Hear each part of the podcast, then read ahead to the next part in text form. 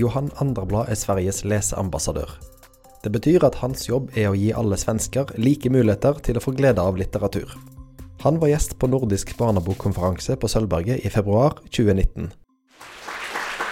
Tackar, tackar, tackar, tackar, tackar, tackar, tackar, tackar. Och fantastiskt härligt att få vara här. Alltså det här arrangemanget, ni anar inte, jo det gör ni för ni är här, ni vet. Liksom, jag lite så här, gick upp och gnällde lite här förut. Har ni ingen klocka som man kan liksom hålla koll? Vi har klocka! Ja, men ska, ja, så åkte, ja, det är helt otroligt. Jag är väldigt, väldigt glad och stolt för att få vara här. Eh, det började med att eh, det var på Bokmässan i Göteborg i eh, höstas, så höll jag ett litet anförande där. Och så kom Siri fram efteråt och pratade norska i tre minuter. Och jag bara, så här som man gör, ni vet. Det visade sig att jag tackade ja till att vara här.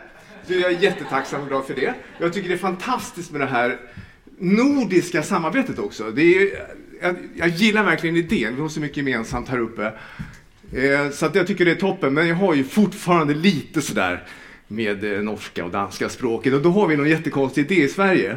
Att, att alla förstår svenska. Alla i Norden förstår svenska. Det är inga problem. Det är bara vi som har lite problem med norska och danska. Sådär. Men det gör ju ingenting, bara, bara ni förstår vad vi säger. Det, jag vet inte vad, det är något här från stormaktstiden eller någonting. Men det fick, det fick en liten, ja, en liten törn kan man säga när jag kom igår kväll till hotellet. Jag är en sån där så jag vill ha liksom, ja, på lite små, prata lite sådär. Man kommer till receptionen, det regnade, det var 6 plusgrader, man kommer från snöstorm i Stockholm. Och liksom, ja men lite såhär, ja, vilket vinterväder ni har här.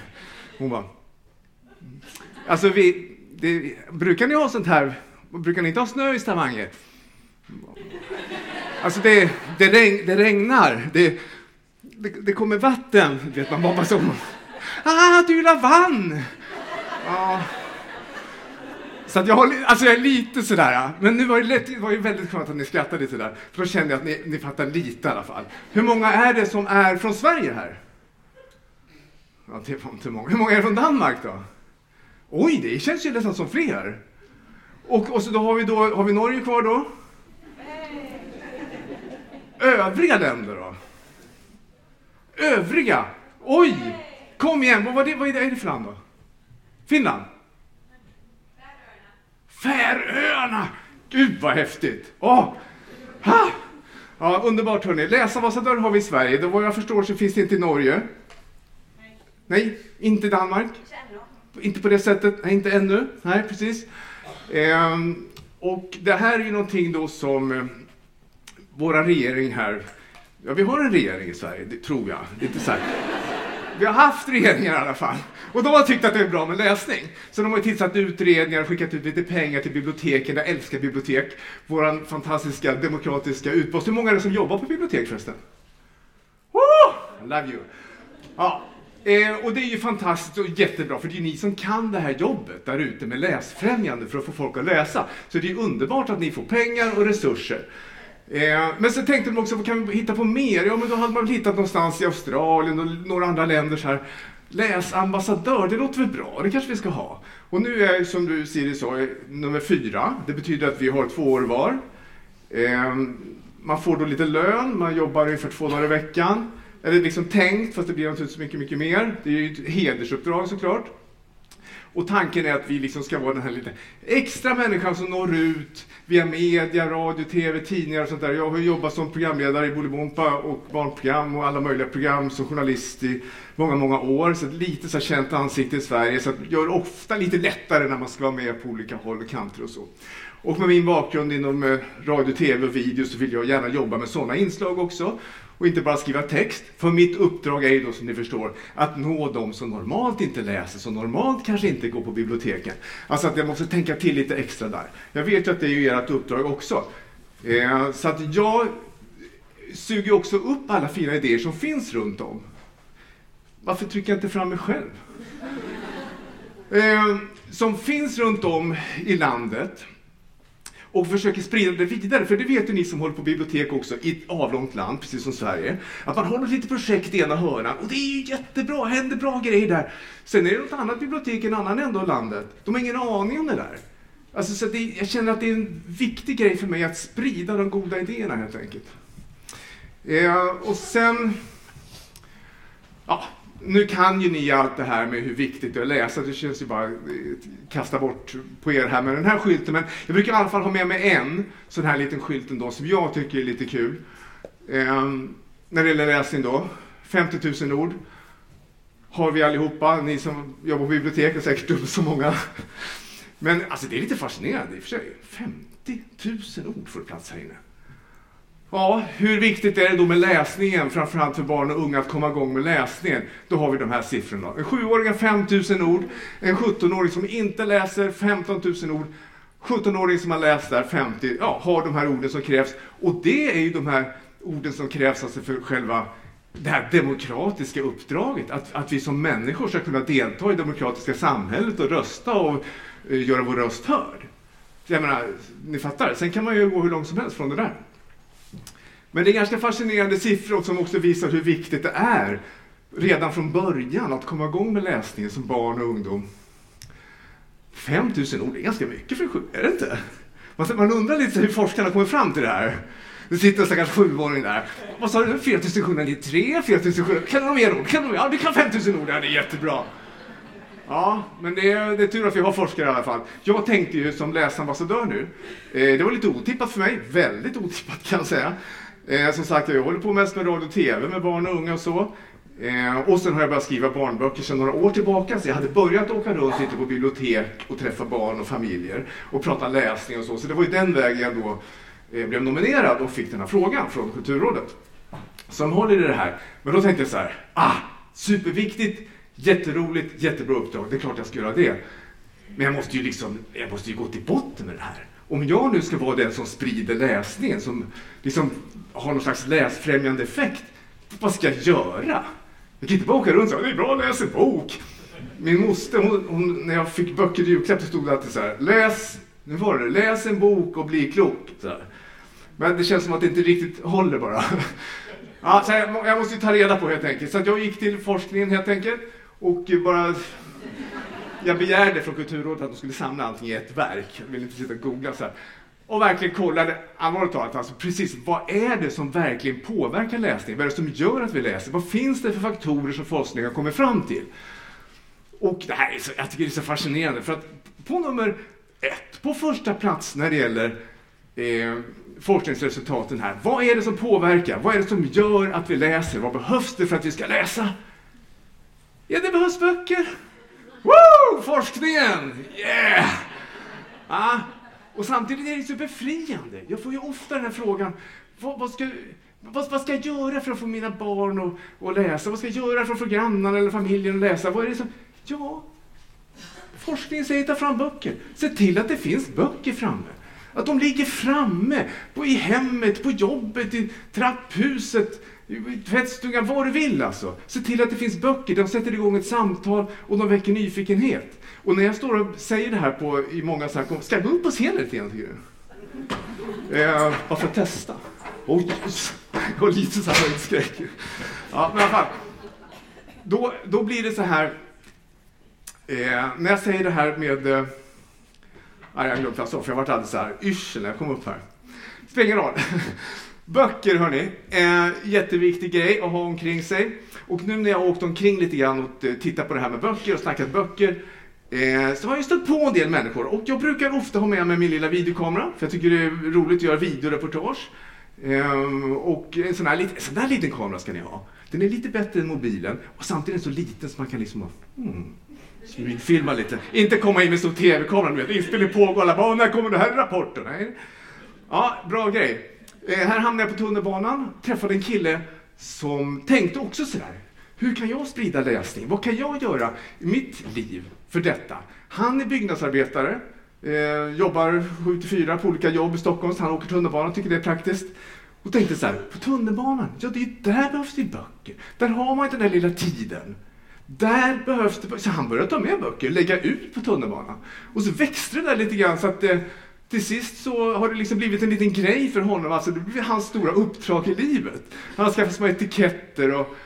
Ja, vi kan väl kolla lite grann. Han är lite hemlig. Han vill inte riktigt komma ut med sitt namn och inte visa sig riktigt i bild. Han har lite också den här idén om att böckerna, han ska inte stå i vägen för böckerna.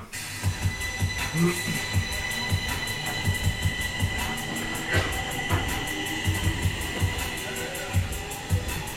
Idén med att eh, dela med mig av eh, vad jag har fått ut av, av böcker och att andra ska få ta del av det också. Så jag har köpt, och, köpt böcker till kompisar och sådär men sen så såg jag att det fanns i New York och eh, då startade jag en egen.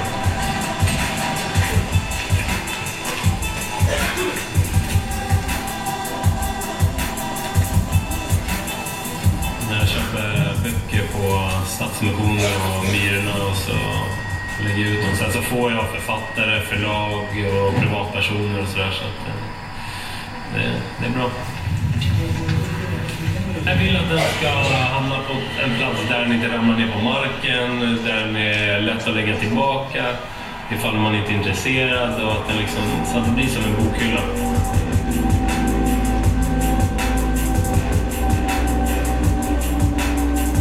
Jag får en del som regrammar så att säga och, och skickar egna bilder eh, på mina böcker. Och sen så, det, det, folk gillar det. Det, det är bra, en bra grej.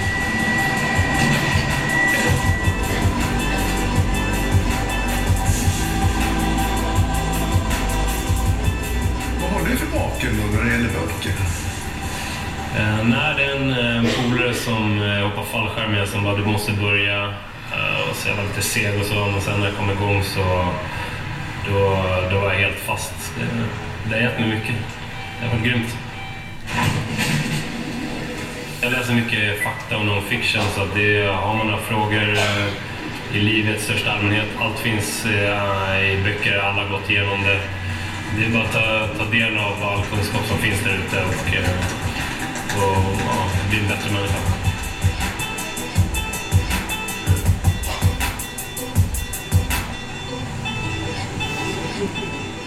Den hade man gärna velat komma på själv, den här hashtaggen, men det är faktiskt hans egen. Eh, jag frågade, hur har du kommit på det där fiffigt? Då kom det fram. Hade vi någon från Finland här? Nej. Det, det, ja, de var faktiskt först. Make Finland read again. Men okej, eh, det sätter fart på fantasin, eller hur? Alltså vad, vad kan vi göra i våra egna liv hela tiden? Alltså det, Eh, den här stötte jag på på en strand i Spanien, Book Crossing Point. Den finns över hela världen. Det är ju ett lite mer avancerat system då, så där man kan gå in och följa sin bok på internet. Och, alltså, ja, om man tycker det är lite kul att göra en större grej av det sådär. Men själva idén, att bara ha böcker framme, bytescentral, det sätter igång någonting mer. Det är inte bara att liksom tillhandahålla en bok, det sätter igång ett snack alltså.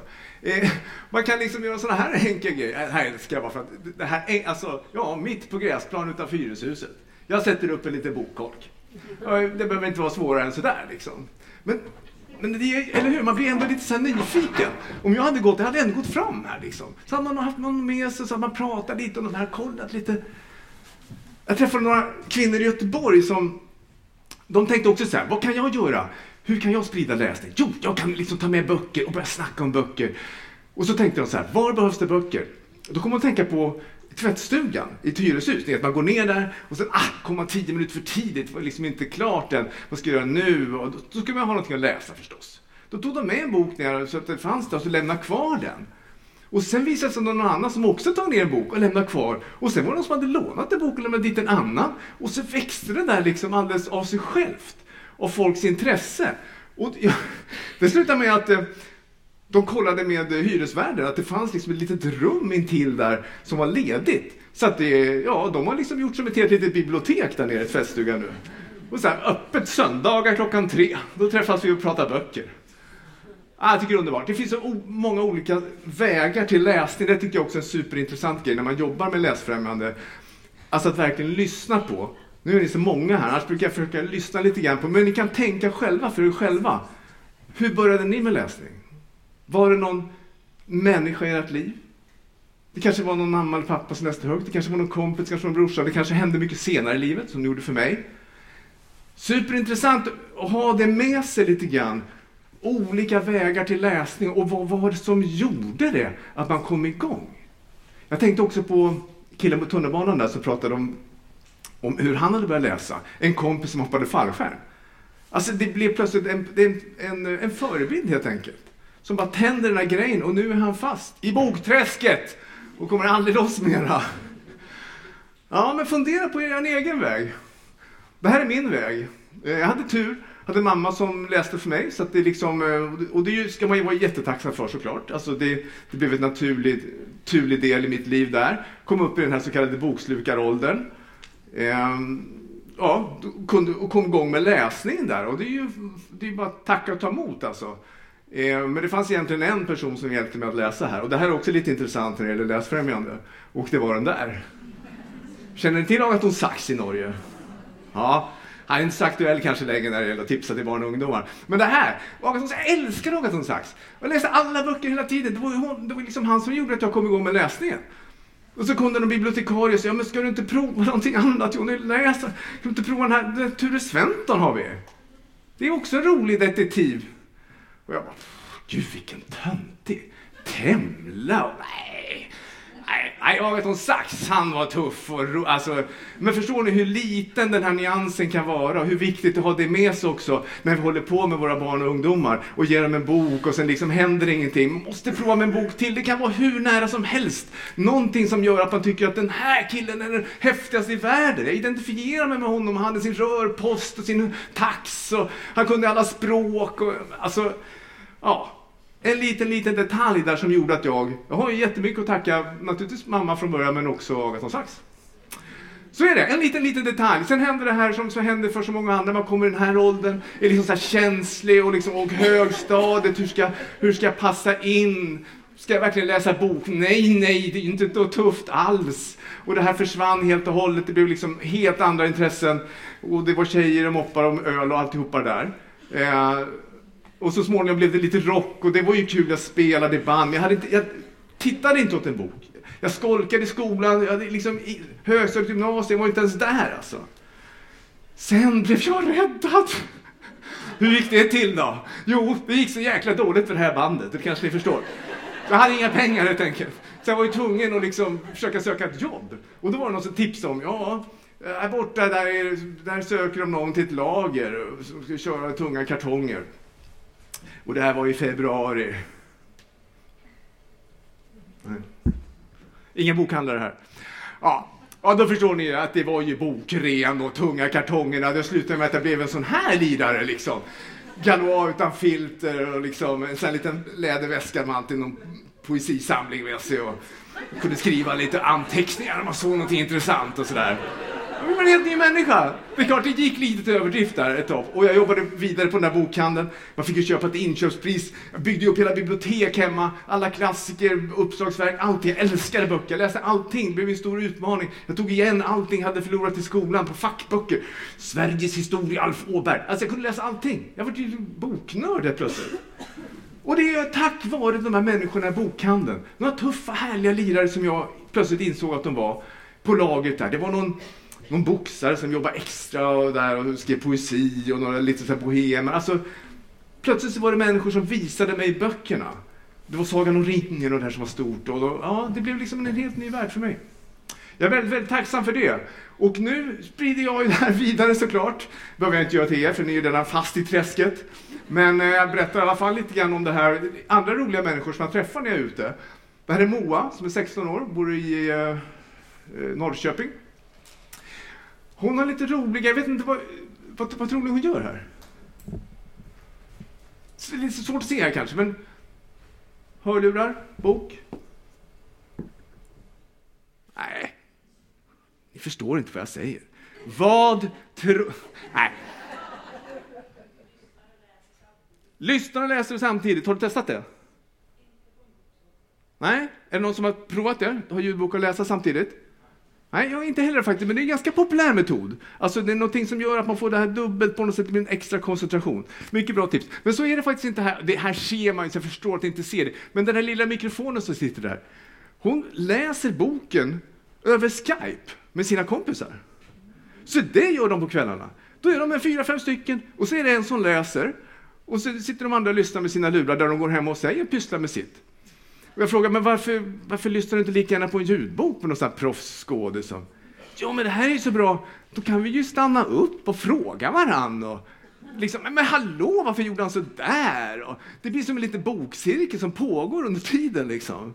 Jag tycker det är så härligt, och det jag tycker är mest härligt med det här, det är det här snacket ni vet med skärmarna och tv och böckerna. Den här liksom hur ska, vi, hur ska vi få dem till skärmarna, till böckerna? Vi måste börja där de är såklart. Vi måste ju liksom Läser de en tv-spelsinstruktion, håller de på med någon, någonting i skärmen så är det där vi måste börja och sätta igång läsningen och försöka få den att komma vidare. Och att alla sådana här hjälpmedel, där man då använder sin mobil och sin Skype som man normalt sett gör, att få in det i läsningen är ju liksom helt fantastiskt. Så det här är ju en superrolig idé.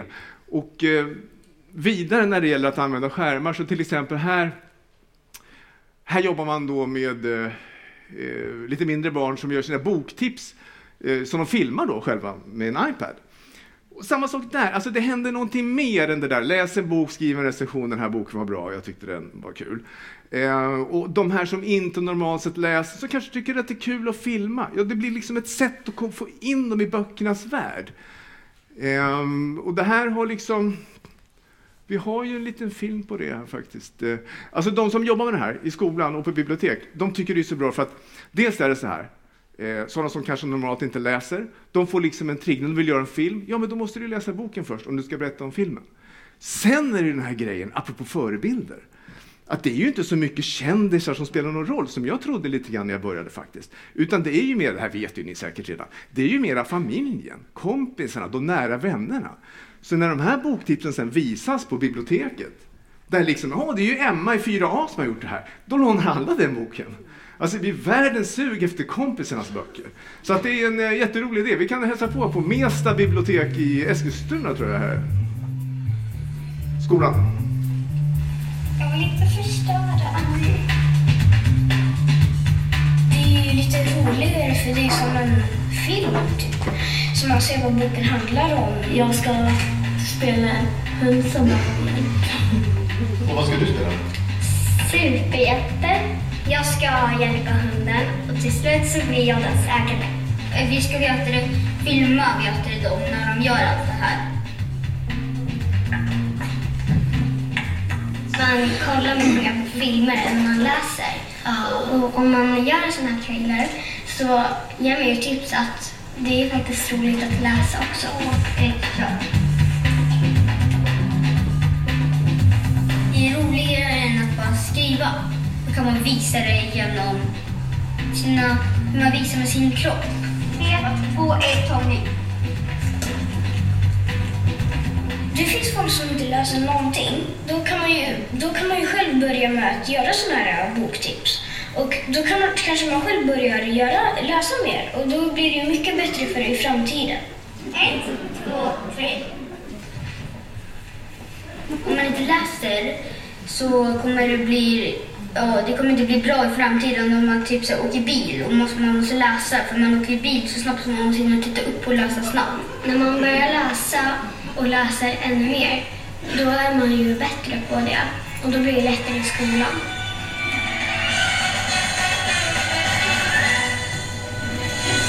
När man börjar läsa, då blir det jättekul till slut. Ja. Visst är de kloka? Alltså, jag hoppar på ett slag, jag står och video, alltså, och då, det här var verkligen inte riggat eller regisserat eller någonting. Utan jag bara liksom ställer de här frågorna. Ja, du vet, så här, skitsvåra frågor. Varför ska man läsa? Och sådär. Ja. Ja, så kommer han man bara, va? Vad är det som händer? Ja, jätteroligt. Hörrni, nu måste vi titta på den här jättestora klockan. Nej, ja, det är ju fem minuter kvar. Är ni hungriga? Eh, men då hinner vi faktiskt en film till som jag är liksom min favorit här. Eh, apropå olika vägar här nu, för det är lite grann, ni har ju förstått det nu, att det är lite grann det som jag håller på med här nu. Eh, hur kan vi nå barn och unga? Vilka vägar kan vi gå? Jag liksom, och jag suger upp goda exempel, och försöker sprida dem vidare. Det är lite grann min mission här kan vi säga. Och om vi tänker att det här är att vi jobbar via skärmar, så finns det ju ett annat sätt som jag vet väldigt många jobbar med. Eh, där det handlar om att, att man utgår från liksom barn och ungas egen historia. Att de har någonting att säga. Eh, för det har ju alla, eller hur? Om frågan om de kommer att ha någonting att säga. Och att via den vägen gå till att hur ska du berätta det här? Och komma till texter och sen komma till böcker och läsning. Alltså allt det där hänger ihop som ni förstår. Men att utgå från den egna berättelsen eh, är ju också en superhäftig grej. Och då ska vi se vad vi har här som kommer då. Jag är ute med min lilla videokamera i vanlig ordning och träffar en tjej som heter Iman Talabani som är med i det som då i Sverige kallas för ortens bästa poet. Känner ni igen det någon eller? Ja. Var det några svenskar som ropade? Ja. Ehm, och det är en helt fantastisk tävling som tyvärr verkar få lite ekonomiska problem nu, men det håller på några år. I olika förorter ehm, i Sverige så har man deltävlingar. Det är lite som Melodifestivalen, hör jag tänker. Fast det är mycket bättre. Och sen har man haft liksom final då i Rinkeby och sådär. Och ehm, ja, vi kan titta lite grann. Alltså det som är häftigt här är ju att man då liksom via eh, liksom viljan att berätta någonting faktiskt kommer in på texten. Imam Tarabani har jag tagit som ett exempel här. När hon var med i ortens bästa poet, första gången var hon 16 år. Hon hade aldrig läst en bok hela sitt liv. Det fanns inte en enda bok hemma. Det, det var liksom, existerade inte. Hon kom in via rappen och det här. När jag träffar henne med kameran här så är hon 18 år. Eh, men vi kan kolla lite grann de här inslagen som är från själva framträdandet. Är när hon var, ja hennes första framträdande helt enkelt, när hon var 16 år.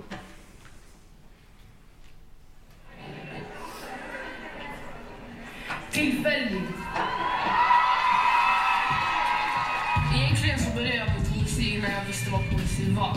Jag har alltid gillat att rimma så jag har lyssnat på hiphop och så här gammal rap sen jag var liten. Sen så när jag fyllde 15 ungefär så hände det en sak då som tog på mig och jag ville skriva av mig. Så blev det alltså automatiskt, det blev bara en dikt typ. Jag visade den för så här, lärare och så. De sa till mig att det här är poesi. Kortvarigt, inget allvarligt. Bara för stunden. Bara nu har du någonsin känt dig tillfällig. Som en tillfällig flickvän till en shuno som sen kommer lämna dig för en ren orörd kvinna. Alltså jag väntar på att livet ska hända. Sen när livet händer så kommer känslorna. Och när känslorna kommer så måste man få ner dem. Eller få ut dem. Och mitt sätt att bearbeta känslor är att ventilera genom att skriva. Som tjej i orten har du allt att förlora och han har allt att vinna. Du vill aldrig befinna dig i en kortvarig romans. Då du inte är bra nog för att vara hans för alltid men bra nog för att vara hans nu där du blir utnyttjad för att sen bli kallad för smutsig. Vi har ingen bokhylla med böcker, vi har inte någon som har suttit läst böcker för oss. Det har aldrig varit en grej hemma egentligen.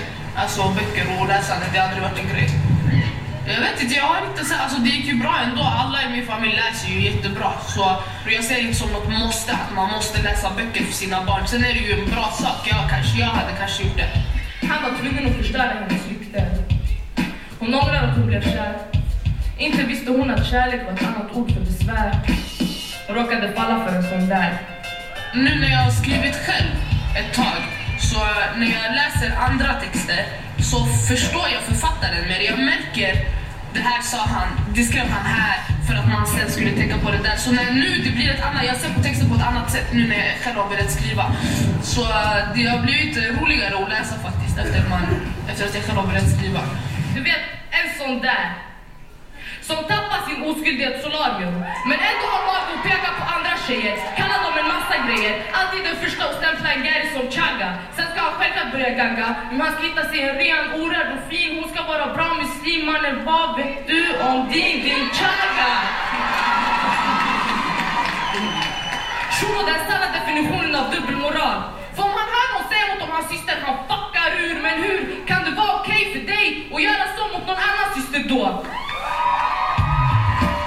Men sen så har jag också en text som, eh, som jag skrev klart nyligen.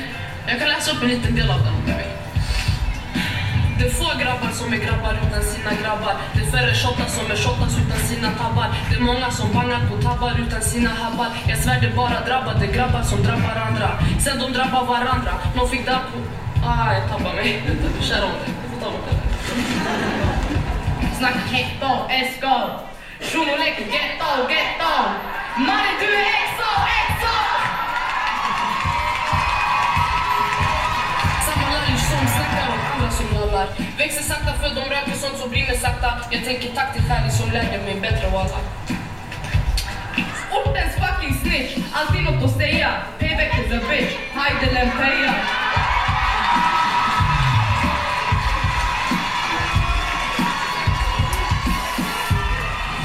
peja. vinklad alltså. Det, det dödar mig.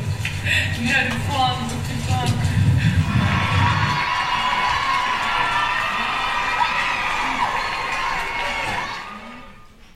Iman Talabani. Eh, Ja. Jag blir alldeles rörd varje gång. Jag har sett det här många gånger som helst. Och, och, och just under hennes poem där bara. Nej, det är så fint. Alltså, den här, ni kan ju fatta själva den här stämningen, den här uppbackningen. När hon, skri, när hon liksom framför sina första ord. Och vad det har betytt för henne. Och vad det här betyder nu för andra. Kolla in hennes Instagramkonto får ni se. Alltså hon är ju... Det är ju hon som är liksom influencer som får det här att föra vidare. Så att det är en superhäftig grej. Och nu är det en superhäftig grej. Att det är lunch! Tack för mig!